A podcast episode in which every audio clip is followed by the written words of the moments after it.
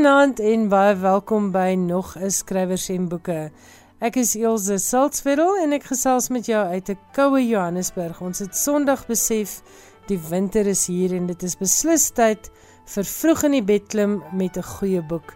En ek hoop vanaand se skrywers en boeke gee vir jou 'n klomp inspirasie vir jou leeslys.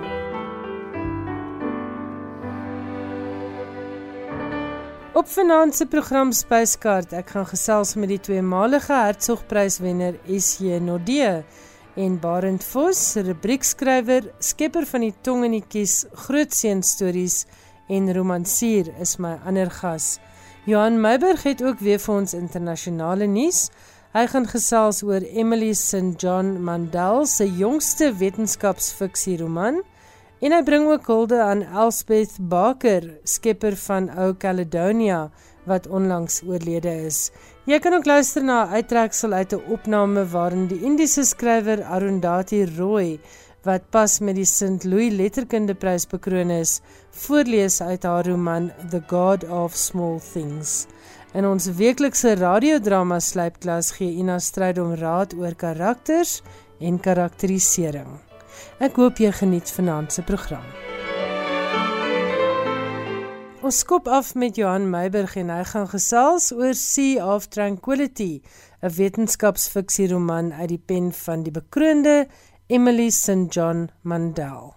In 2014, lank voordat lesers 'n eerstehandse ervaring en welsprekendheid in die taal van pandemie gehad het, het die Kanadese skrywer Emily St John Mandel vorendag gekom met 'n roman wat 'n mens nou kwaliek anders kan sien as iets van 'n onheilspellende profesie. Die roman Station 11 vertel van 'n virus wat in die voormalige Sowjetunie uitgebreek het en die ganse wêreld verinneweer het.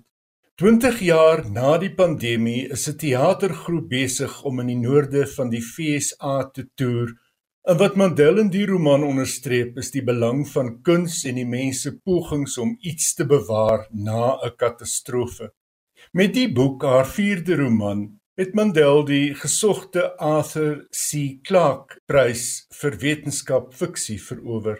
Daarna het The Glass Hotel in 2020 gevolg en nou Sea of Tranquility wat soos die titel aandui verwys na die maan. Die boek het pas verskyn by Picador. Soos in Station 11 benut Mandel in die jongste boek weer motiewe uit die kunswêreld en die relevantie daarvan vir die daaglikse lewe en daarmee saam ekkoes uit verskillende tydperke van die mense geskiedenis.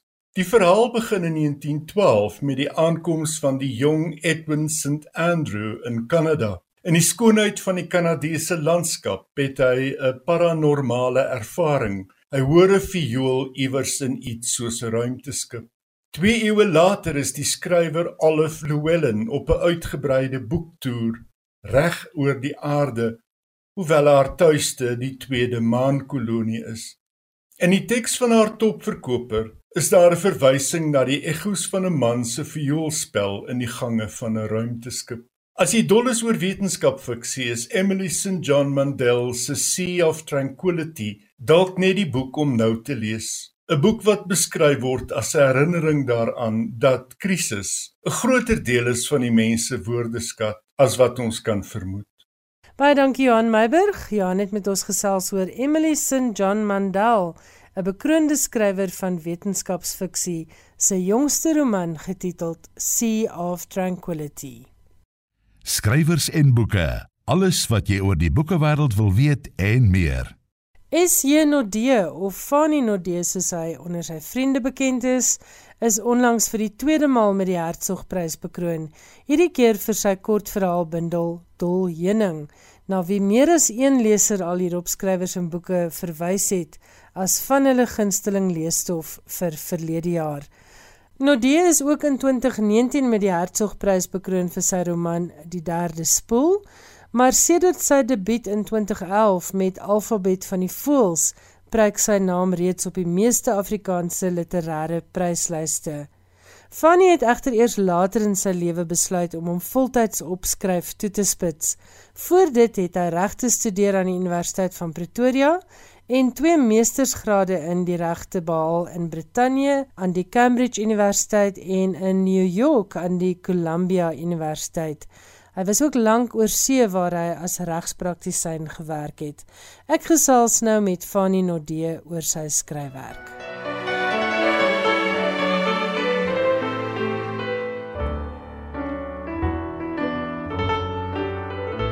Ek verwelkom jou baie graag by Skrywers en Boeke Fani. Baie dankie dat jy tyd maak om met ons te gesels. Baie dankie Elsje, dankie dat jy my genooi het. Jy het nou in die afgelope paar jaar twee maal die Hertzogprys verower vir jou skryfwerk, pas vir Dolhening en 'n paar jaar gelede vir die derde spoel. Hoe voel dit? Elsje mens verwag nooit 'n prys nie, maar ek moet sê die uh die tweede Hertzogprys was uh buitengewoon onverwags geweest. En ja, dit voel voel goed natuurlik. Dit is 'n soort bevestiging daarvan dat ehm um, mense mense lees dat jy nie net jou werk in 'n ligleegte instuur nie. En dis 'n baie formidable paneel van lesers, jy weet, deskundige lesers en ervare lesers wat dit beoordeel. Jy weet, 'n prys kan 'n mens nie op sigself laat skryf weer nie. Dit is 'n ander komplekse soort proses, maar dit laat mens beslis aangemoedigd voel en dit kan mens help om weer te begin, jy weet, weer te gaan sit voor 'n leë papier. Dit is 'n half ingewikkelde ding deesdae dink ek om te skryf en om literêre fiksie te skryf en om dit in Suid-Afrika te doen. Suid-Afrika het nie in die algemeen dalk die grootste of mees aktiewe lesersgemeenskap nie. Maar daar is natuurlik 'n 'n klomp lesers wat baie toegewyd is en entoesiasties is en by uitstek in Afrikaans. Nie dat Afrikaanse lesers natuurlik net Afrikaans lees nie. Ek dink Afrikaanse lesers soos lesers oral, het dit kosmopolitaanse en en diverse soort of gevarieerde soort leesgewoontes.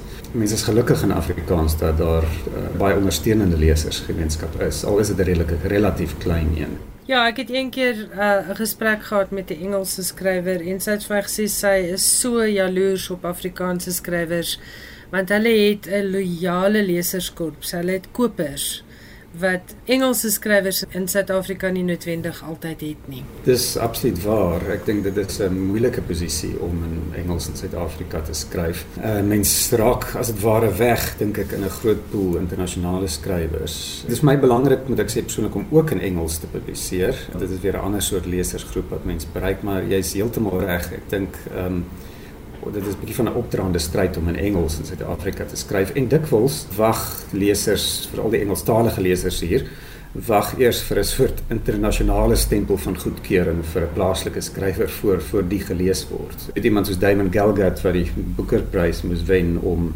behoorlik boeke te begin verkoop in Suid-Afrika. Ek wou juist vir jou vra, jy kan eintlik in albei tale skryf want jy het 'n internasionale universiteitsopleiding, jy het oorsee studeer op meer as een plek. So jy kan eintlik in Engels eerste geskryf het. Hoekom het jy Afrikaans gekies? Ons weet jy mense het al 'n paar keer vir my gevra en ek het nooit heeltemal 'n goeie antwoord nie daar is iets uh, seker nie heeltemal rasioneel aan daardie besluit nie. Jy weet op 'n manier kan ek dink ek maar net sê dit voel soos die taal van 'n mens se se beendere, jy weet. Um, dit is mens mens mense ma se taal en uh, soos jy sê ek was vir lank, ek was seker so 16 jaar uit die land gewees, 'n groot deel van my volwasse lewe en tydens daai tyd het ek eintlik baie min Afrikaans, baie selde Afrikaans gepraat of geskryf. So toe ek terugkom was dit 'n soort herontdekking van die Afrikaans gewees. Jy weet soos 'n ou speelding wat 'n mens opgrawe in die tuin. En ehm um, ja, ek ek ek kan sekerlik in Engels ook eers skryf. Dit is wel ook so dat mens al is mens selfs net 10 of 15% beter in Afrikaans of of selfs 5% as mens uh, skryf, nee, skryf vir die soort werk wat ek graag wil skryf, dan maak daai persentasie verskil en mense vermoed tog 'n verskil, jy weet. Vir wie skryf jy? As jy voor jou rekenaar gaan sit, op wie mik jy jou stories? Ook moeilik om te sê. Dit is 'n uh, bietjie van 'n abstrakte proses en miskien is die beste antwoord maar dat mens die die soort werk skryf wat mens self graag sou wou lees. Jy weet of mens nou 'n spesifieke ideale leser in gedagte het, weet ek nie. Mense het waarskynlik die die wydste groep lesers moontlik, jy weet, in in gedagte. En jy weet ek ek wil graag weerstand bied tennis. Daar's 'n bietjie van 'n vooroordeel dalk in Afrikaans en dalk kom dit so van die 60er jare af, uh, die idee dat goeie of ernstige fiksie of literêre fiksie net vir jy weet is ingewikkeld of is ontoeganklik of net vir ernstige lesers. Jy weet wat my betref, as mens werk skryf wat mooi helder is op die oppervlak en 'n 'n goeie boeiende storie bevat, jy weet of dit nou ernstige werk is of nie, dit jy weet dit behoort eintlik toeganklik te wees vir 'n klomp lesers. Um, Dis 'n soort werk wat dalk soms perspektiewe uitdaag, maar dit doen dit nie noodwendig op 'n brutale of 'n skokkende manier nie. Jy weet, dit dit daar kan ook vertroosting wees in nuwe perspektiewe of perspektiefverskywing. Ek wil ook vra oor die twee genres wat jy kies om in te skryf. Jy is reeds in albei bekroon. Jou eerste publikasie was Alfabet van die Voëls in 2011. Dit was 'n bundel kortverhale wat bekroon is met die Jan Rabie Rapportprys, die Universiteit van Johannesburg se debuutprys. Jy het 'n SALA toekenning daarvoor gekry en jou Engelse vertaling was op die internasionale Frank O'Connor kortverhaal bundel uh kompetisie se kortlys. Dan was daar die derde spoel, dit was jou roman en daarvoor het jy die Hertzogprys en 'n rits ander pryse gekry. Toe kom Dolly Henning waarvoor jy nou weer met die Hertzogprys bekroon is. Wat skryf die maklikste en hoe wissel 'n mens tussen hierdie twee genres as skrywer? Ek dink ek kan onomwonde sê dat vir my temperament is kortverhale um makliker of maklik is dalk nie die woord nie of dit dit, dit kom natuurliker in 'n sin. Jy weet die die soort span van 'n lang kortverhaal, my kortverhale is is is lank ook. Dit is amper soos mini romans of of novelles soms. En daai soort span waaroor die korter span waaroor mense kreatiewe energie uitvoed is vir my 'n opwindende soort proses. Romans kom vir my bietjie moeiliker. Daar's 'n soort skaal of 'n of 'n omvang van 'n idee of 'n roman, 'n natuurlike soort skaal en party daarvan werk beter in 'n roman as 'n kort verhaal. Of wat ek ook dink party van my kortverhale uitgebou sou kon of heelwat daarvan uitgebou sou kon word in in romans. Ja. Maar ek het seker 'n soort ongeduld onder andere en uh, ek werk ek byvoorbeeld op oomblik weer 'n manuskrip van 'n roman gereed, maar jy weet ironies genoeg is dit 'n korter roman as as as wat Doljening is, jy weet. So, dit is uh, minder omvangryk as as my laaste versameling kortverhale. Ek neig om kortverhale of korter die korter vorm meer natuurlik aan te wend. Goed.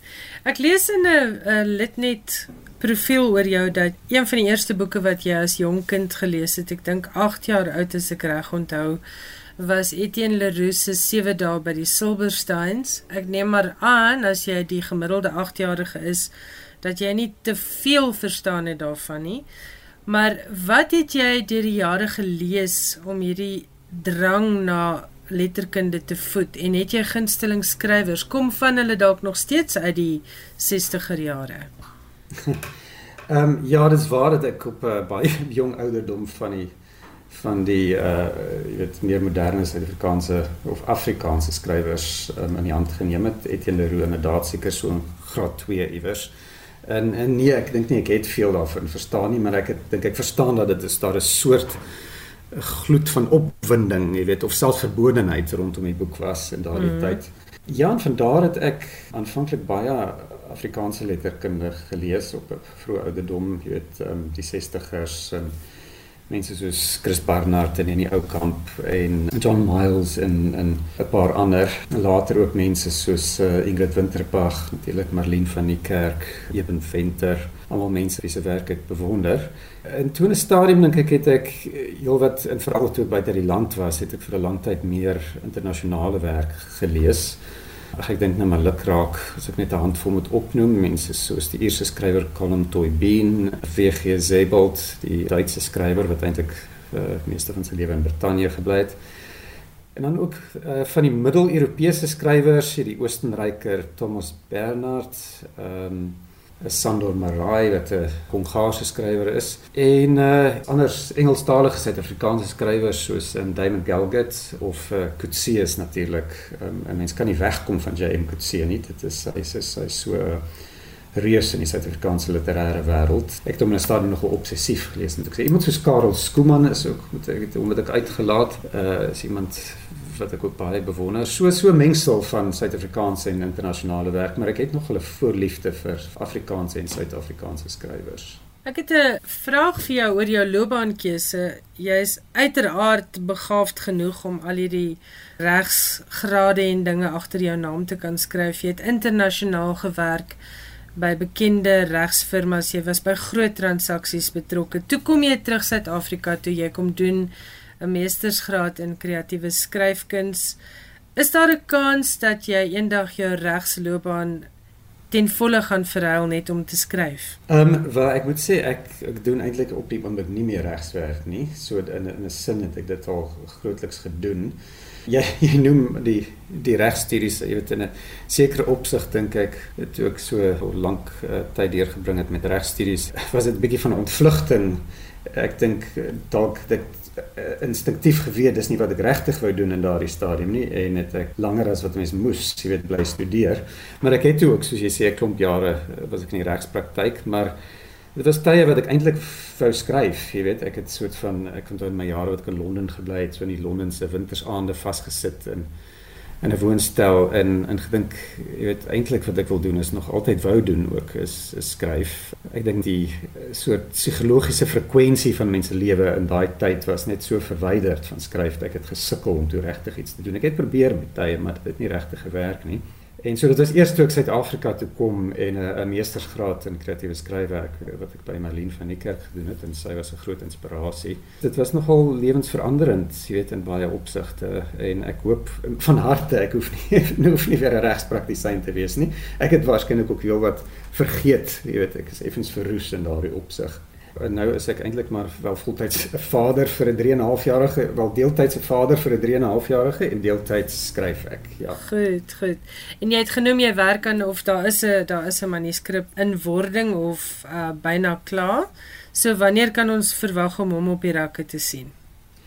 Uh sjoe, ek sê dalk eers met my uitgewer oorleg voor voor ek 'n uh, 'n datum waag. Ek ek is nie te haastig op die oomblik nie, dink ek. Uh, miskien my uitgewer ook nie want ek dink mense moet ook nie te vinnig op die hakke van die vorige boek weer publiseer nie. Dan dink mense dalk dit dan dink lesers blykbaar dis dieselfde boek wat hulle op die rak teekom as as die vorige een. So ehm um, ja, man waarskynlik iewers in die volgende 2 jaar sou ek sê. Dit was SJ Nodee of Fanny Nodee wie se kortverhaalbundel Dol Heuning in April bekroon is met twee groot pryse, die Universiteit van Johannesburg prys as ook die Hertzogprys vir letterkunde. Dol Heuning word uitgegee deur Penguin Random House.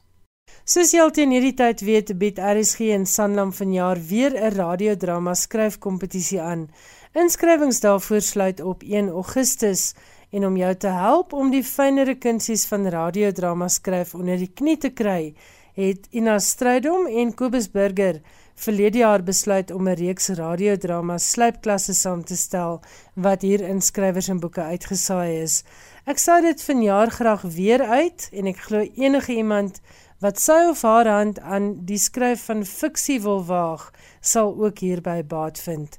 In vanaand se radiodrama Slypklas gesels Ina Strydom oor karakters en karakterisering. Kom ons hoor wat se wenke het sy.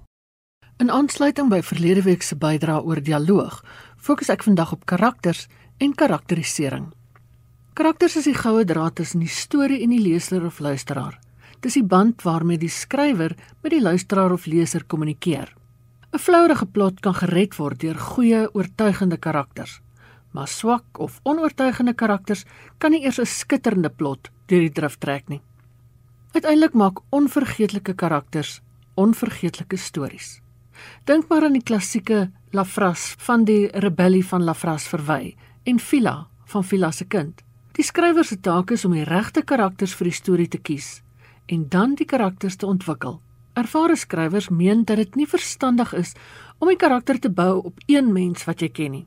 Dis te beperkend, gewoon omdat een mens nie alles van 'n ander kan weet nie. Bou eerder 'n karakter met trekke en eienskappe van verskeie mense sodat jy 'n volronde karakter kan kry. Die bekende skrywer en regisseur van radioverhale, Marie Snyman sê, in 'n radiodrama is dit besonder belangrik om karakter duidelik te skep, aangesien die luisteraar slegs dialoog het om die karakter se persoonlikheid af te lei. Karaktereienskappe moet in die dialoog na vore kom sonder om geforseer te wees. 'n Ongeduldige karakter kan byvoorbeeld eerder iets skop as wat hy dit sê, of hy kan iemand in die rede val of so iets wat in natuurlike gesprekke ook voorkom. 'n Skrywer kan sy karakters bou of ontwikkel deur byvoorbeeld 'n lys te maak van 'n karakter se karaktertrekke, sy gewoontes, voorliefdes, dinge wat hy nie kan verduur nie en selfs hoe hy lyk. Dit help die skrywer om 'n beeld te kry van wie en wat die karakter is. En as die skrywer dit weet, kan hy of sy dit beter of makliker oordra aan luisteraars of lesers. Te veel karakters te gou verwar die luisteraar, maar ook die leser. Stel hulle eerder met verdrag voor, sodat 'n mens 'n gevoel kan hê van waar en hoe die karakter in die storie inpas. Skrywers moet ook daarteen waak om vir karakters soortgelyke dialoog te gee. As alle karakters byvoorbeeld Engelse woorde tussenin gebruik of almal formele dialoog gebruik of pittig of spitsvondig is, is daar geen duidelike karakterskepping nie. Die ontwikkeling van 'n karakter is ook belangrik. Dit skakel in by die storielyn. Die persoon moet byvoorbeeld groei of vrede vind of 'n ou wrok oplos of deur 'n skokkende ervaring tot ander insigte kom. Anders is daar gewoon net nie 'n storie nie. Besluit wie die hoofkarakters is. Die hele verhaal word immers om hulle gebou. Mindere karakters verskaf die agtergrond en kleur, maar die hoofkarakters moet in die luisteraar of leser se geheue bly vassteek. Die luisteraar moet ook aan die hoofkarakter se kant wees, al hou hy nie noodwendig baie van hulle nie. Daar moet 'n emosionele band met die hoofkarakter kan ontstaan. Sterk hoofkarakters is ook nie sonder foute nie. Die geheim lê juis daarin om 'n karakter so te skep dat hy 'n mengsel van goed en sleg, sterk en swak is, soos wat regte mense is. Sterk karakters is gemotiveerd en as die luisteraar karakter se motiewe verstaan, kan hy emosioneel by hulle betrokke raak. 'n Sterk hoofkarakter het ook 'n waardige teenstander nodig. Anders is die storie vaal en vervelig. Die teenstander moet sorg vir die konflik wat 'n broodnodige bestanddeel van die suksesvolle storie is. Dus, karakters moet oortuig en dit kan net gebeur as hulle veelvlakkig is, as hulle genuanceerd en geskakeerd is en indien hulle optrede gemotiveerd is. En vir die radiodrama moet al hierdie dinge by wyse van dialoog en klank oorgedra word. Ek hoop jy kan nou al 'n bietjie vleis aan jou storie se geraamte sit. Lekker skryf. Tot volgende keer. Dit was Ina Strydom met Finanse Radiodrama Slypklas. As jy meer wil uitvind oor RSG se radiodrama skryfkompetisie, gaan maak gerus 'n draai op RSG se webwerf en onthou Daar is groot pryse op die spel. Skrywers en boeke elke woensdag aand tussen 8 en 9. Johan Meiber gaan nou vir ons meer vertel van die Britse skrywer Elspeth Barker wat onlangs oorlede is. Die Britse skrywer Elspeth Barker is onlangs in die ouderdom van 81 dood.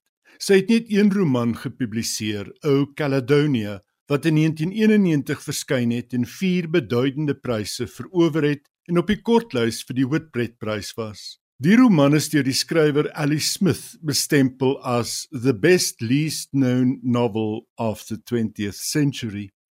30 jaar nadat die boek verskyn het, is dit verlede jaar weer uitgegee deur Weidenfeld en Nicholson en het die boeke plek ingeneem as 'n moderne klassieke roman in die Skotse letterkunde.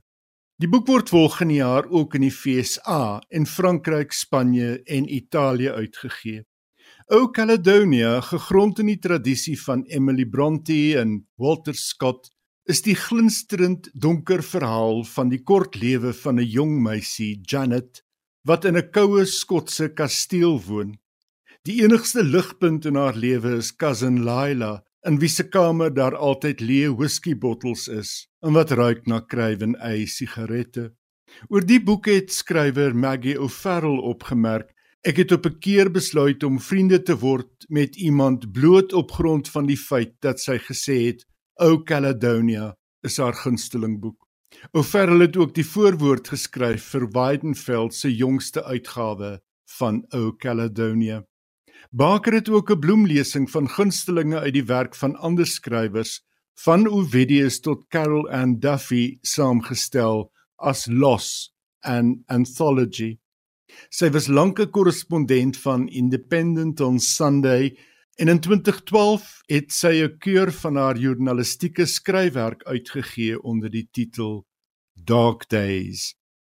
Dit dan Johan Meiburg se tweede insetsel vir vanaand.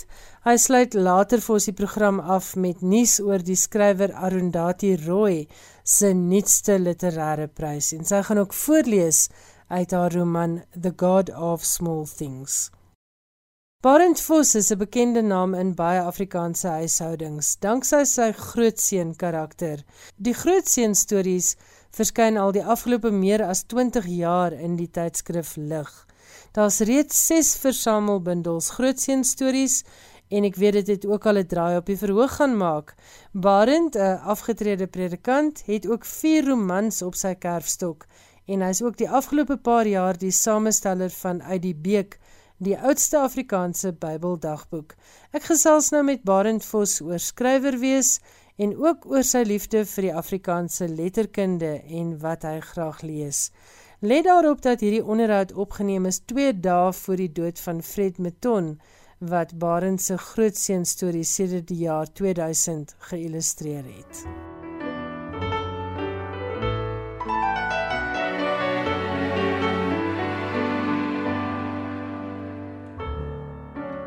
Barend goeienaand en baie welkom by Skrywers en Boeke. Baie dankie Ilse, dit is 'n uh, groot voorreg om by jou te kuier. Ek wil nog steeds weet hoe word 'n predikant 'n skrywer?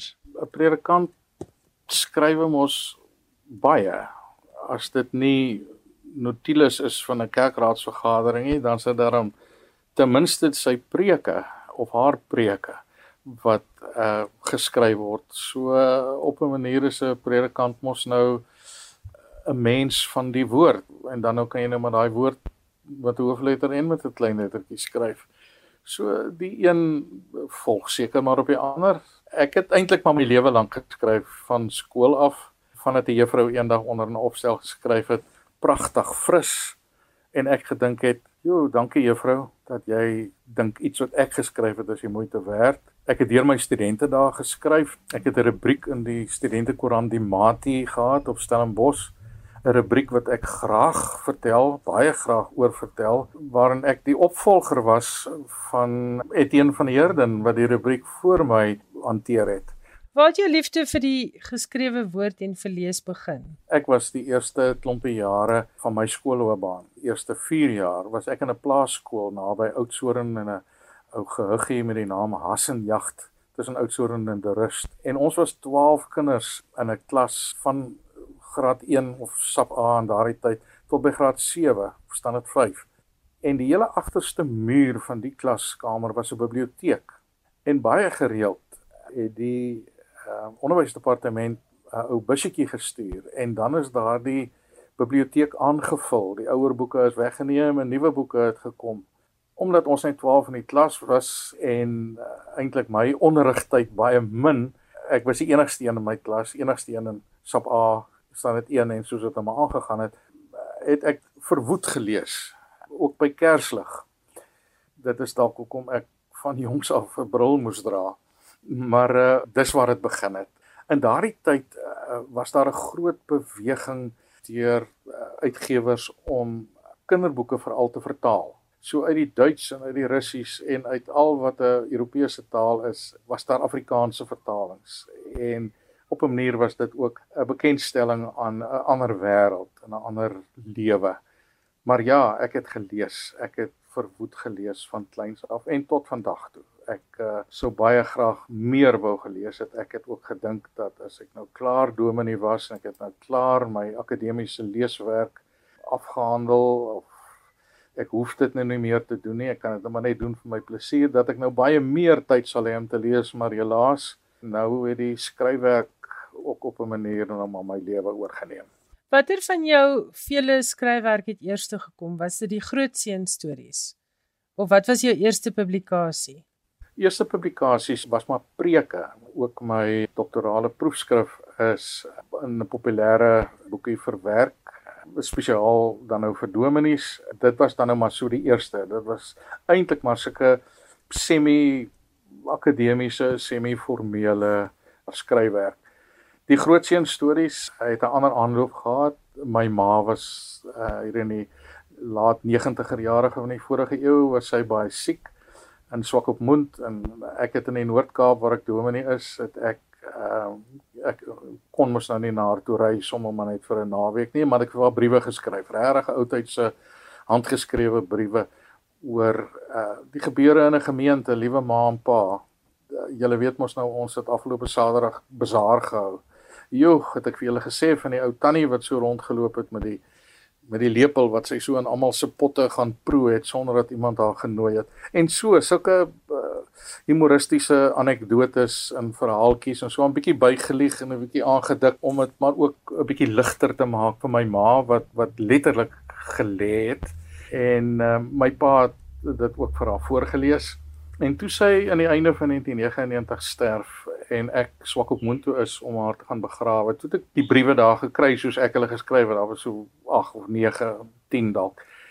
En uh, ek het dit weer deurgegaan en gedink miskien miskien is hier waarde hierin meer as net en so as 'n soort terapie het ek gaan sit en dit op die rekenaar getik en dit in 'n vorm gegiet en vir die tydskrif lig uh, gestuur en gevra of hulle belangstel. Nou ja, dit was in die middel van die jaar 2000 en nou is dit 22 21 jaar later en um, steeds met elke uitgawe van die lig tydskrif is daar 'n groot seun storie. So dit is hoe dit hoe, hoe dit eintlik nou maar met die groot seun stories gebeur het. En daar's nou al 6 versamelbundels van groot seun sketse uitgegee.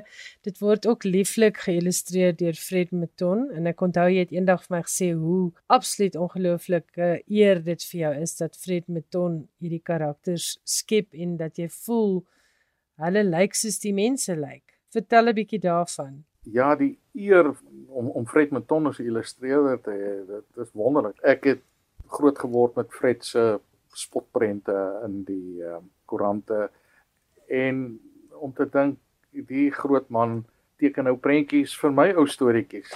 En soos jy inderdaad sê, dit is lieflik geïllustreer. Hy het net 'n manier om met 'n paar pennestrepe die hele essensie van 'n storie uh karakters en al um uit te bring en lewendig te maak op papier. En dit dit is dit is vir my elke slag as daar 'n lig tydskrif uitkom en ek sien wat dit Fred met my ou storieetjie gemaak dan dink ek wow dit is nogal spesiaal baie dankie. Barend jou romans daar's 4 waarvan een ook in Engels vertaal is Vertel vir ons 'n bietjie daarvan. Jy het my voordat ons op die lig gekom het daaraan herinner dat die die term wat ek daaraan gegee het, Christelike romans is verkeerd. Dit is Bybelromans en een van die romans word in elk geval ook gereken as 'n hoofstroom literêre debuut. Hoe het romanskryf begin? Miskien Ilse as ek nou daaroor terugdink is romanskryf my eerste liefde. Miskien is dit omdat 'n mens soveel van jouself daarin sit, uh omdat jy 'n pad loop met die karakters, omdat hulle jou familie word. Dit word familie van wie jy niks hou nie.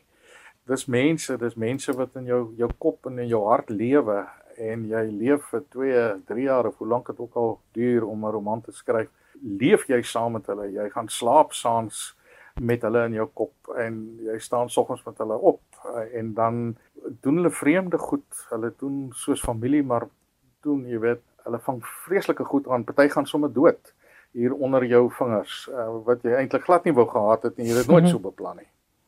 So ja, romans skryf is bitterharde werk, maar dit is ontsettend bevredigend uh, om uiteindelik klaar te wees. Die eerste een was Exodus, die verhaal van Moses en die uh, uittog die Exodus uit Egipte. Dit is in Engels vertaal as Moses 'n novel en so 'n klompie jare later was daar Kanaan, die intog verhaal in Egipte. Dit is eintlik maar die verhaal van Joshua en en die priesters uh, wat saam met hom gegaan het. En nou onlangs het verskyn uh, so 2 maande gelede Rut en Boas, 'n liefdesverhaal. Nou ja, die titel sê alles. Tussendeur was daar 'n uh, roman wat bemark is as as my literêre debuut. Ek het nogal gewonder of Kanan en Exodus dan nie ook literêr punte getel het nie, maar nou ja, uitgewers het mos nou maar hulle manier en 'n dorp so Silver Streams was maar die verhaal van en dit hoef niemand te verras nie, die verhaal van 'n dominee op die platteland en alles wat daarmee gepaard gaan. Iemand het op 'n dag gesê Hy lees dit as die donker onderkant van die groot seun stories waar die groot seun stories die ligte vrolikheid, die opwinding het van die plattelandse dominee is die Silver Streams boek is is donkerder en meer die die hartseer daarvan en die die die die vreemdheid daarvan. Maar nou ja, Silver Streams is nie die dorp waarin ek die dominee was nie en ek is ook nie die dominee van Silver Streams nie. Is ek dankbaar om te sê. Jy werk ook as 'n teksversorger vir ligtydskrif. Jy werk met ander woorde in al die dissiplines van skryf. Jy jy skryf self, jy help ander skrywers om hulle woorde te poleer. As jy nou so met Afrikaans werk, wonder ek waar kom jou inspirasie vir mooi Afrikaans vandaan? Lees jy baie? Uiteraard lees ek baie, ehm um, Ilse, dit is uh dis nie net omdat dit my werk is nie, dit is ook omdat dit my passie is, is my liefde. Uh, groot mense soos Jan Rabie het gesê, ehm um, sonder Afrikaans is ek niks. En uh, ek wil dit ook maar sê, ek het regtig waar sonder om dit nou, jy weet, na ekstreme forme te verskuif, het ek regtig waar 'n passie vir Afrikaans. Dit is die taal van uh, waarin ek my uitdruk, dit is die taal waarin ek werk, dit is die taal waarin ek leef en dink en droom en bid. Dit kan nie anders nie. Ja, ek lees baie. Ek, ek lees die meesters van Afrikaanse skryfwerk van wie Chris Barnard wat my betref die groot meester is. Ek lees ook met al die destydse 60ers.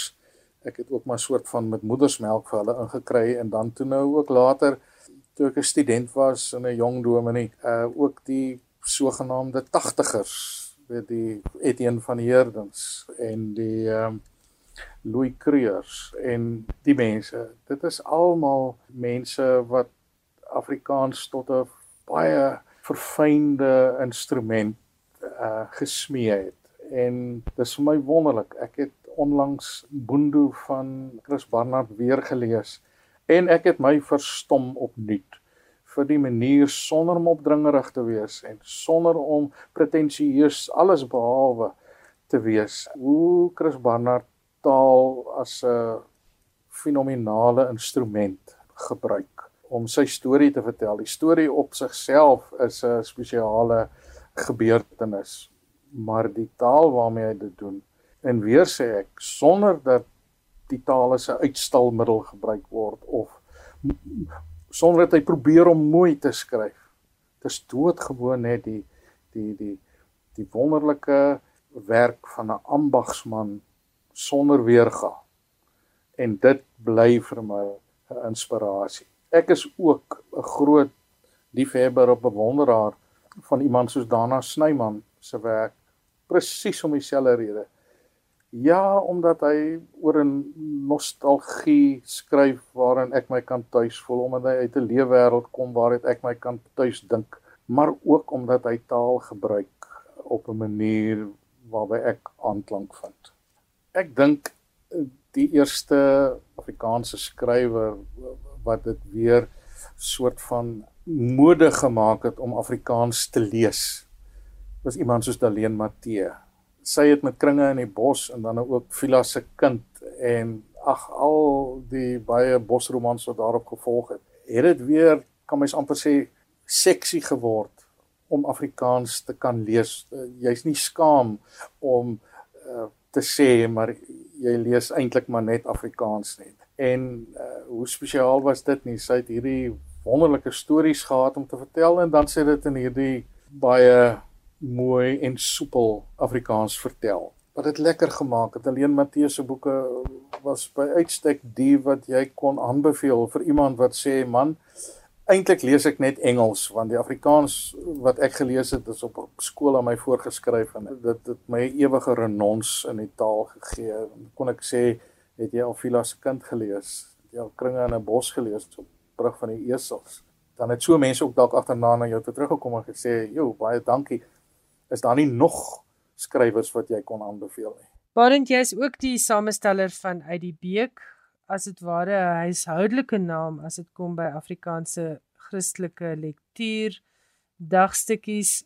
Hoe het jy daarbey betrokke geraak en en hoe dra dit by tot jou werk as skrywer? 'n hele klompie jare gelede het ek 'n boek eh, saamgestel, dit was 'n gebedeboek eh, wat ek geskryf het aan die hand van die psalms, die ewigheid in my hart en al 150 psalms in die vorm van mens kan maar sê dagstukkies, maar dit was gebede en daar was uh, volop geleentheid om in in die Afrikaans wat ek verstaan en die Afrikaans wat ek kan skryf iets te sê oor my verstaan van die psalms. Die psalms is wat my betref die mees gewilde uh, boek of lektuur in die hele biblioteek wat ons die Bybel noem. En dit het uh, die boek die ewigheid in my hart het uh het goed gedoen dit het ook die Andrew Murray prys gewen en ek dink as jy nou vir my vra hoe het ek by die beek betrokke geraak ek het tog 'n vermoede die uitgewers het na die sukses van die ewigheid in my hart gedink dalk kan ek nou ook uit die beek doen en uit die beek is soos jy sê 'n huishoudelike naam dit is al 100 jaar letterlik 100 jaar ouer dagboek die oudste Afrikaanse Bybeldagboek wat daar is. En dis 'n groot verantwoordelikheid en ek ek pak dit met groot bewerasie aan en ehm um, met ek probeer baie baie verantwoordelik daarmee omgaan. En dit is 'n dis 'n dissipline uh, wat skrik vir niks. Dis 'n daaglikse omgaan ehm um, met die Bybel, is 'n daaglikse omgaan met my menswees, met my begrip van van van ander mense se mens wees. Uh ek probeer my vrae wat ek reken dalk op baie ander mense se vrae, my blydskap wat ek reken dalk ook ander mense se blydskap, my troos wat ek reken dalk ook ander mense se troos is, probeer ek laat grondvat in die dagstukke wat ek in uit die beek skryf. 365 van hulle een vir elke dag. Dit is nogal harde harde werk. En daarbey dis om twee redes se dissipline. Dis nie net 'n dissipline van elke dag sit nie, letterlik elke dag nie. Dis ook die dissipline van die verantwoordelikheid van om met die Bybel om te gaan. Kyk as ek er, as as jy 'n roman skryf, ook 'n Bybelroman, dan kleur jy maar woes in, jy weet, so 'n bietjie hier kwai buite die lyne. Jy teken sommer nuwe prentjies by. Maar as jy die beek skryf, dan kleur jy binne die lyntjies in. Goed, kom ons praat met mense wat vanaand luister en dalk self wil skryf. Watter genre ook al. Jy skryf nou wat jy skryf rubrieke, Bybeldagboeke, romans. Waar begin 'n mens? Hoe word jy 'n skrywer en wat moet jy doen om 'n goeie skrywer te word? Ek het op 'n baie goeie tyd in my lewe het ek Stephen King, die befaamde Amerikaanse rolskrywer, se boek On Writing gelees. En in On Writing het hy so 'n mantra, 'n sê ding wat so dwars deur die boek loop. Kyk, On Writing is eintlik 'n soort van 'n werkboek vir voornemende skrywers. En die mantra is read a lot write a lot. En nou nou maar te begin by by lees baie. As jy wil skryf, uh, dan moet jy lees. As jy sê maar ek het nie tyd om te lees nie, dan is ek jammer, dan het jy ook nie tyd om te skryf nie. Jy, jy moet lees dit wat jy graag in wil skryf. As jy hou van thrillers om te lees, dan moet jy alles wat jy kan oor thrillers en wat daar geskryf is, moet jy lees. Jy moet weet waaroor dit gaan. Dit is ek bedoel dis dan jou vak jy moet dit uh bestudeer al is dit dan ook vir jou plesier. En as jy baie gelees het, dan sal jy ook later agterkom maar jy het ook baie om te sê. Jy kan eerlikwaar baie beter as baie van die goed wat jy gelees het, kan jy skryf. Doen dit dan net. Gaan sit dan nou maar net en en skryf wat jy graag self sal wil lees. As jy poesie wil skryf, as jy wil gedigte skryf, dan moet jy gedigte lees. Dan moet jy op hoogte wees van al die goeie digters se goeie werk sodat jy by hulle kan leer. Ek wil dit is soos 'n 'n meestersklas in jou eie huis in in jou eie gemakstoel by jou eie lesenaar. As jy wil skryf, moet jy lees. En dan nou ja, die tweede deel van Stephen King se mantra is write a lot. Vingeroefeninge. Dit is wat die pianiste vir jou sê. Dit is wat Andre Brink ook gesê het oor sy ligte rubriekies wat hy destyds in 'n Sondagkoerant geskryf het. Toe iemand vir hom vra, nou maar, is hy nie skaam oor die goed wat hy geskryf het nie? Toe sê hy nee, hoekom? Dit was vingeroefeninge. En daardie vingeroefeninge het hom gehelp om later, jy weet, 'n hele klavierkonsert met sy woorde om dit nou so te stel tot stand te bring. Die bietjies bietjies wat jy skryf, by ou en dit mense hele live vol goetertjies in dingetjies wat jy geskryf het en hier het jy iets begin en daar het jy iets neergekrap en uiteindelik as jy hulle alles bymekaar bring, wie weet, dan het jy dalk 'n storie. Dan het jy dalk die begin van 'n gedig. En so sê Barend Vos, goeie raad wat ek al meermale hier op skrywers en boeke gehoor het, lees net en skryf net. Ek het gesels met die veelsidige skrywer Barend Vos. Barend is onder andere die skrywer van die Grootseun stories waarvan daar al 6 versamelbundels verskyn het. As jy dit misgeloop het en jy is nou nuuskierig, die laaste Grootseun-bundel getiteld Liefdegroete Grootseun het in 2018 by Protea Boeke verskyn. Barend se roman Boas en Rut, 'n liefdesverhaal, het onlangs by Lux Werby verskyn. Barend Vos het na Fred Meton verwys in ons onderhoud. Soos die meeste van julle waarskynlik weet, is Fred verlede week oorlede. My innige simpatie aan sy vrou en kinders. En ek weet hierdie is 'n groot groot verlies vir die Suid-Afrikaanse leserspubliek. En ek was gelukkig genoeg om so 2 jaar gelede met Ban Booyens te gesels oor 'n boek wat hy saamgestel het oor die lewe, maar veral die werk van Fred Meton. En as jy lus is om weer na daardie onderhoud te luister, Ons gaan dit vir jou laai as 'n bonuspot gooi op skrywers en boeke. So gaan luister gerus daarna. Dit volg aan die einde van hierdie program se pot gooi. Nou is dit tyd vir Johan Meiburg se laaste internasionale bydrae vir vanaand. Hy gesels met ons oor die Indiese skrywer Arundhati Roy en jy kan ook luister na 'n voorlesing uit The God of Small Things. Arundhati Roy, die Indiese skrywer wat in 1997 die Man Booker Prys verower het met haar roman The God of Small Things, is pas vereer met die Amerikaanse St. Louis Letterkundeprys. Benewens die bekroning met die Booker Prys was die roman ook 'n topverkoper en is dit deur The New York Times aangewys as die toonaangewendste boek van daardie jaar.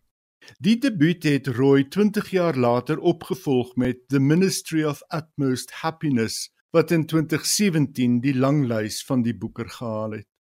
By die oorhandiging van die St. Louis Prys, die prys is voorheen al toegekend aan skrywers soos Margaret Atwood, Salman Rushdie, John Updike, Saul Bellow, August Wilson, Stephen Sondheim en Tom Wolfe, het die 62-jarige Roy gesê skryf is iets wat sy moet doen dalk omdat sy niks anders kan doen nie. Die oogmerk met die St. Louis Letterkundeprys is om skrywers te vereer wat 'n bydrae lewer tot die mense insig in menswees en die vermoë om met meer meelewing die wêreld tegemoet te gaan.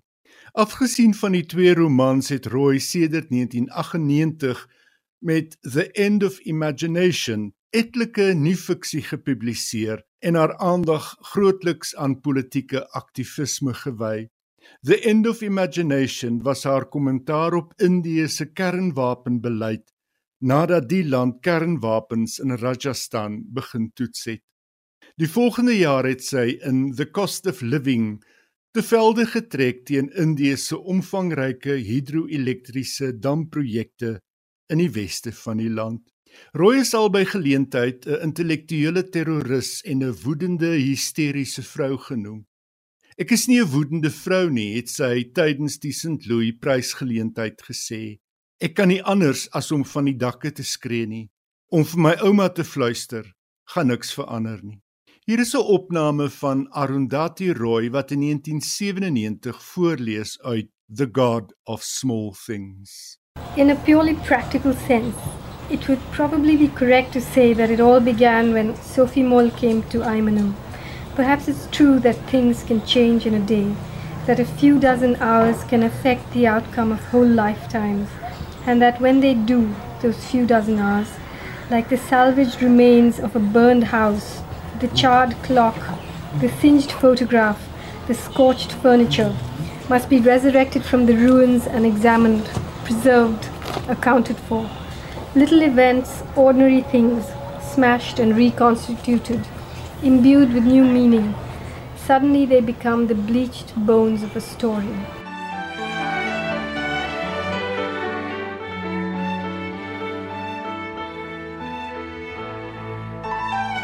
Daardie stem het behoort aan Arundhati Roy wat voorgeles het uit haar bekroonde roman The God of Small Things. Ongelukkig beteken Johan se bydrae dat dit tyd is vir my om te groet. Ek hoop jy het vanaand se program geniet en dat jy 'n nuwe leesinspirasie gekry het. Geniet die res van die week, bly warm, lees lekker en pas jouself en jou mense mooi op. Tot volgende Woensdag aand om 8uur wanneer ek en Johan Meiburg weer terug is met nog 'n skrywers en boeke. Totsiens. As bonus kan jy luister na 'n onderhoud wat ek in 2019 met Ban Booyens gevoer het oor sy boek oor die lewe en werk van die bekende spotprentkunstenaar Fred Meton.